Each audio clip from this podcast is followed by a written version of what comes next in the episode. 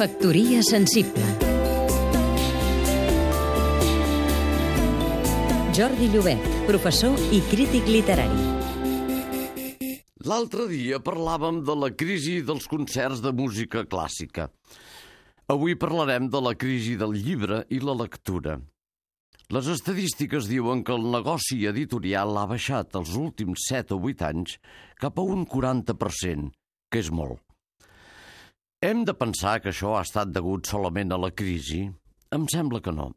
Si ara la gent llegeix menys que fa 20 o 30 anys, per anar més enrere, això no es deu únicament al fet que un llibre sigui car, perquè, de fet, els llibres de butxaca són tan barats com un menú en un restaurant qualsevol. Jo diria que hi ha d'altres factors per explicar la crisi de la lectura i que resultaran perdurables i catastròfics a mitjà termini. Els nois i noies joves disposen en aquests moments d'una gran quantitat de ginys, tots electrònics, que els permeten de distreure's i de fundar una certa sociabilitat enormement potent. Llegir era una de les poques coses que un nen dels anys 1950 podia fer si es volia distreure o volia fer volar la imaginació. No hi havia televisió, ni ordinadors, ni res de tot això. Com a molt, s'anava al cine públic a veure pel·lícules de Walt Disney.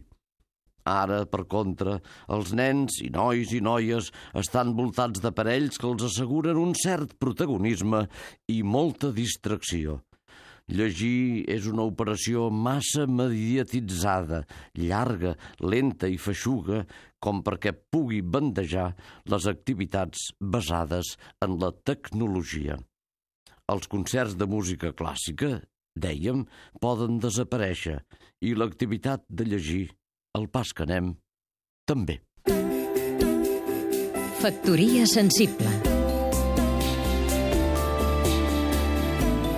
Seguim-nos també a catradio.cat